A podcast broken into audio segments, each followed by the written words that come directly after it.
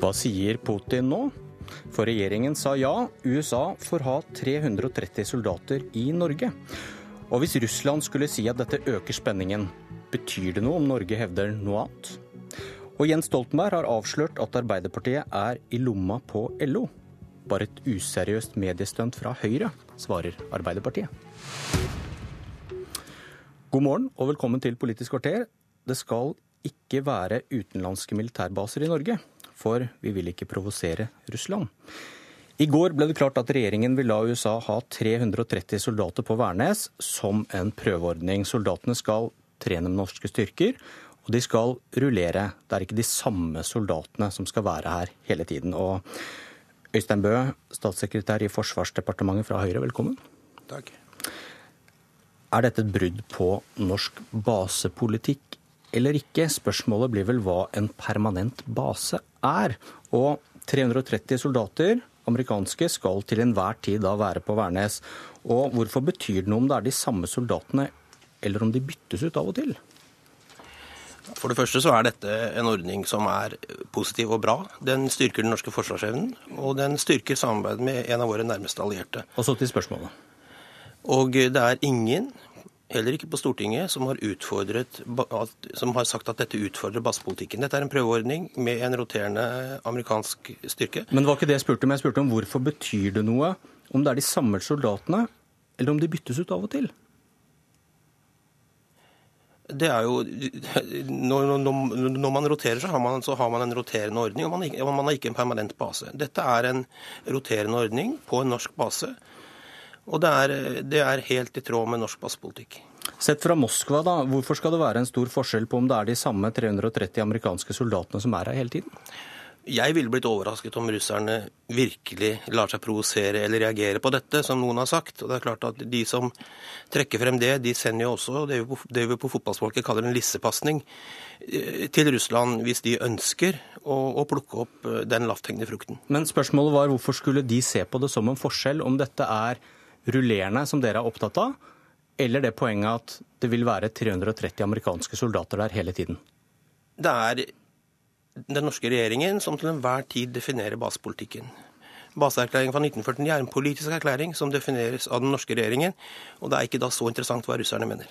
Nei, men blir ikke dette en lek med ord om hva som er en permanent base? At det, det er subjektivt og blir opp til russerne? For er det ikke deres, deres reaksjon som vil være fasiten på om dette er et aggressivt trekk fra Norge eller ikke, da? Men med respekt til nå syns jeg du er langt utenfor det som er saken. For det er ingen som, ut, som sagt, sier at dette utfordrer basepolitikken. Nei, men det var heller ikke spørsmålet. Spørsmålet var om er det ikke Russland som definerer om dette er aggressivt eller ikke, uansett hva dere sier? Det er, norsk, så det er, det er reaksjonen det er deres som er spennende? Det er norske myndigheter som, som definerer norsk basepolitikk. Sånn må det alltid være. Hvorfor tror du at Christian Berg Harpviken ved Prio sier at dette er en grunnleggende endring av norsk forsvarspolitikk? Ja, det må du nesten spørre Christian Berg Harpviken om. Dette er i tråd med de lange linjene vi har hatt siden 1949. Da får vi ta en debatt med han eh, i dette studio senere. Akkurat nå, Kirsti Bergstø fra SV, velkommen. Takk. Hvorfor mener dere at dette er en gal beslutning? Fordi at vi ser at det skyver eh, balansegangen mellom det å være et Nato-land og det å være et naboland til Russland. I dag så markeres eh, det 72 år siden eh, den russiske frigjøringa av Øst-Finnmark i hjemtraktene mine. Og jeg syns at det er en trist dag å markere dagen på ved å sitte her og ta denne debatten. Og det handler jo rett og slett om at det er en historisk relasjon vi har til Russland. Og vi har en historie med Russland om fred. Eh, og da syns jeg at vi forvalter eh, muligheten vår på en veldig dårlig måte. Eh, og har en veldig dårlig balansegang mellom det å være et Nato-land og det å være et naboland til en stormakt i øst.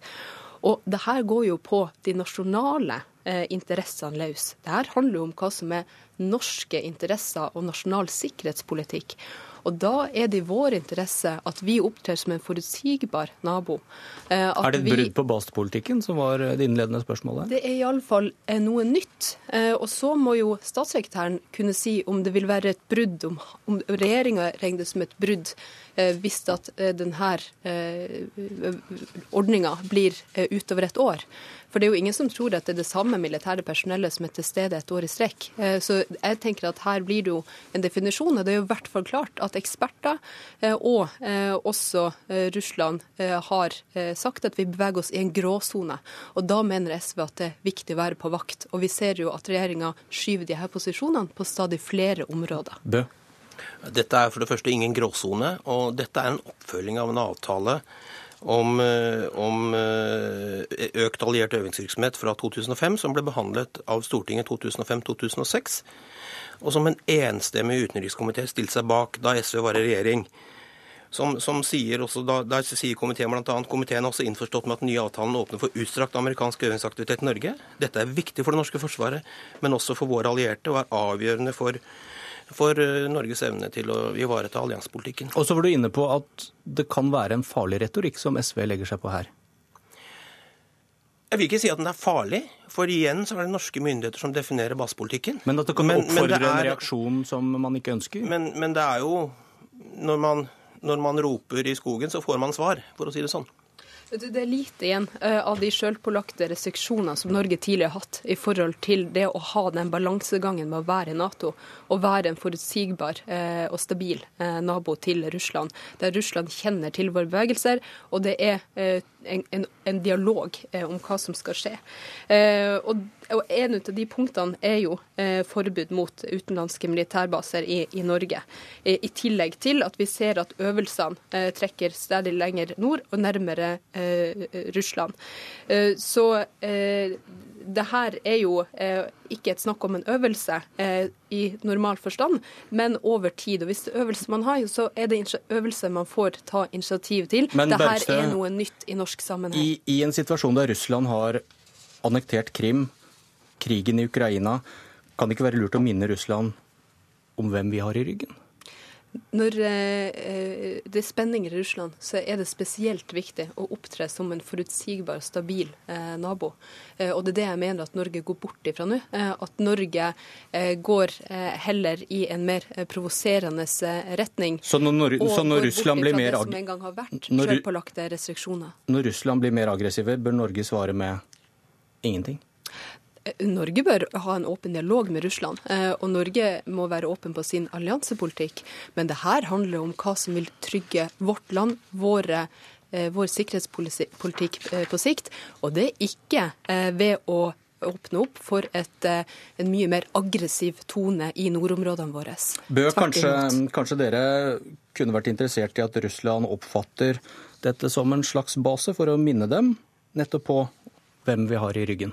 Vi gjør ikke dette av hensyn til hvordan Russland oppfatter eller ikke. Vi gjør dette av hensyn til norsk forsvar, norsk sikkerhet og norsk trygghet. Og dette er de lange linjene som vi har hatt helt siden 1949.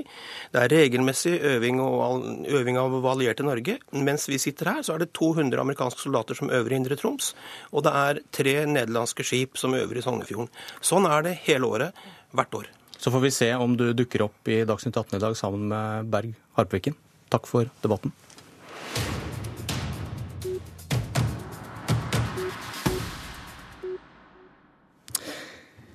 Det viktigste innholdet i den nye folketrygden ble avgjort mellom Arbeiderpartiet og LO. Det skjedde på lukkede rom i regjeringskontorene og i Folkets hus, skriver Jens Stoltenberg i sin bok 'Min historie'. Og Stefan Heggelund fra Høyre, der avslørte han det vi har sagt i alle år. Skal vi tro det du sier til Aftenposten? Ja, Det viser jo det utallige nordmenn har mistenkt i uminnelige tider, nemlig at når Arbeiderpartiet sitter ved makten, så og de snakker om trepartssamarbeid, så er det egentlig et topartssamarbeid de mener. Det er kun LO de er interessert i oppfatningene til, og de foretrekker å gjøre opp på bakrommet sammen med dem. Dette var jo om det store pensjonsforliket, og hvorfor mener du disse sitatene er så avslørende, da? De sitatene er avslørende fordi det står bl.a.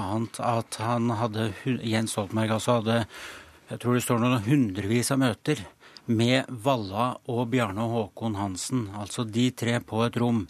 Eh, og det står også at når dette ble vedtatt politikk på Arbeiderpartiets landsmøte og LO-kongressen, så ble det nærmest ansett som ferdig snakka og gjennomført. Deretter så gir han altså skylden på Unio en annen fagforening for det man ikke klarte å gjennomføre med pensjonsreformen. Så det var altså en forventning om at det man hadde blitt enige om på bakrommet med ett forbund, skulle andre forbund automatisk bare akseptere. Fredrik Holen Bjørdal fra Arbeiderpartiet. Uh, useriøst mediestunt, kaller du det uh, Heggelund nettopp sa nå? Ja, Programleder, Det begynner å bli et ganske kjent fenomen at når det går dårlig for Høyre på meningsmålingene, så sender de Stefan Heggelund i krigen for å tåkelegge debatten, vri fokus bort fra regjeringa sin mislykka politikk over til å bli et angrep på Arbeiderpartiet. Men problemet med det oppkoket som han presenterer i dag, er jo at det er jo en politisk bumerang av dimensjoner. For han representerer et parti som er berykta for enten å overse eller fullstendig overkjøre partene i viktige spørsmål. Jeg kan nevne ett eksempel den første generalstreiken i Norge dette årtusenet, i fjor, når 1,5 millioner arbeidstakere demonstrerte og gikk i gatene, streika mot regjeringa sin arbeidslivspolitikk. Jeg syns det er fint at Heggelund har tatt seg tid til å lese boka til Jens, eh, men dette er vanskelig å ta på alvor. Jeg tror Høyre nå må begynne å snakke om sin egen politikk, selv om jeg forstår at det er lite fristende når den er så upopulær. Det er bare spinn, dette Heggelund, kanskje etter disse rike onklene som det var fokus på for noen uker siden? Det som er spinn, er jo vel for det første at det går dårlig for oss på meningsmålingene meningsmålingene. Siste meningsmåling det jo faktisk ganske bra, men nok om det. Um, nei, hva skal jeg si. Vi har brede prosesser med partene i arbeidslivet. Og det betyr at vi inviterer alle parter til møte. Og du syns AML var et dårlig eksempel, eller? Ja, det syns jeg var et dårlig eksempel. fordi der var vi i dialog med alle partene i arbeidslivet. Og så er det slik at det er ulike meninger både mellom arbeidsgiverforeninger og mellom fagforeninger. Et reelt trepartssamarbeid handler om å balansere disse ulike oppfatningene. Og det er altså en grunn til at da den rød-grønne regjeringen styrte, så sa f.eks. daværende YS-leder at uh, dette var ikke et reelt trepartssamarbeid, det var et topartssamarbeid. Fordi regjeringen var bare opptatt av å lytte til LO og ingen andre. Og dette er en kritikk som Arbeiderpartiet er nødt til å ta på alvor, fordi alle parter må lyttes til. Ok, Hvis vi tar utgangspunktet, da, selv om du syns det er dumt, uh, Bjørdal. Sitat, det skjedde på lukkede rom i, regjeringskontorene og i Folkets hus. Skriver Stoltenberg det som det var, eller tar han feil? Det som det ikke er tvil om, er at vi hadde møte med LO og arbeidstakerorganisasjonene fordi det var LO som måtte vinnes i den saka her. Men da har han vel gitt kritikerne rett, da? Ap hører på LO, og ikke så mange andre? Vi har et godt forhold til LO, og vi har et godt forhold til alle organisasjoner på begge sider av bordet, fordi det er det som er partssamarbeid i praksis, og det er det som funker. Det er bare å se på våre resultater i regjering. Sammen med partene så fikk vi gjennomført pensjonsreform, uførereform. Da finanskrisa traff oss og Høyre sto i Stortinget og ropte på skattekutt, så satte vi oss ned med arbeidstakerne og arbeidsgiverne, spurte hva er det næringslivet trenger. Så gjorde vi det, kom oss ut av finanskrisa med lavest arbeidsløse men, men i, den, i Europa. I den, I den største reformen av alle, pensjonsreformen, så skriver jo Stoltenberg at dette gjorde vi opp med LO på forhånd. Og det er greit. Det er jo ikke tilfellet. Altså, Heggelund leser, er det ikke det han skriver? Heggelund leser jo den boka som Fanden leser Bibelen for å få et mediestunt ut av det. Problemet er at han har valgt et veldig dårlig eksempel. Men hva, hva var galt med framstillingen til Heggelund, da? Jeg mener Jens Stoltenberg fortjener ros for måten han gjennomførte pensjonsreformen på sammen med partene. Den kanskje vanskeligste og viktigste reformen i Norge på flere tiår. Eh, og så er det, må jeg jo minne om at vi gjennomførte ikke den fullt ut i offentlig sektor, bl.a. fordi at Unio var skeptisk. Da kritiserte ikke vi Unio, slik han påstår. Tvert imot så lytta vi, og så lot vi det ligge på daværende tidspunkt. Dagens regjering forstår ikke trepartssamarbeidet. De overkjører partene. De tror at det å få være en høringsinstans for regjeringen regjeringa okay. er det samme som et reelt partssamarbeid. Her er nok en gang Unio indirekte syndebukk. Men uh, i pensjonsreformen, Heggelund, så så var det vel sånn at det var LO som måtte vinnes. Og du hadde vel hatt en bedre sak hvis Høyre og NHO f.eks. var mot resultatet? Det var uten tvil viktig å vinne LO, men poenget var at det var viktig å vinne hele fagbevegelsen. Det var det som var poenget. Og spørsmålet er jo at hvis eh, prosessen hadde vært bedre da, så kan det jo hende at man hadde fått til eh, en reform også i offentlig sektor, som vi nå fremdeles er i dialog med å få til. Men der er det jo da viktig nå å ha en god prosess, for den prosessen var jo åpenbart ikke god nok i 2008-2009. Mange land prøver å gjøre reformer i pensjonssystemet, men mislykkes fordi de ikke klarer å få med seg partene. Vi gjennomførte den viktige reformen fordi vi forstår partssamarbeidet. Dagens regjering forstår ikke eller vil ikke forstå hva den norske modellen innebærer. Part, derfor mislykkes denne regjeringa. Politisk kvarter er slutt, og jeg heter Bjørn Myklebust.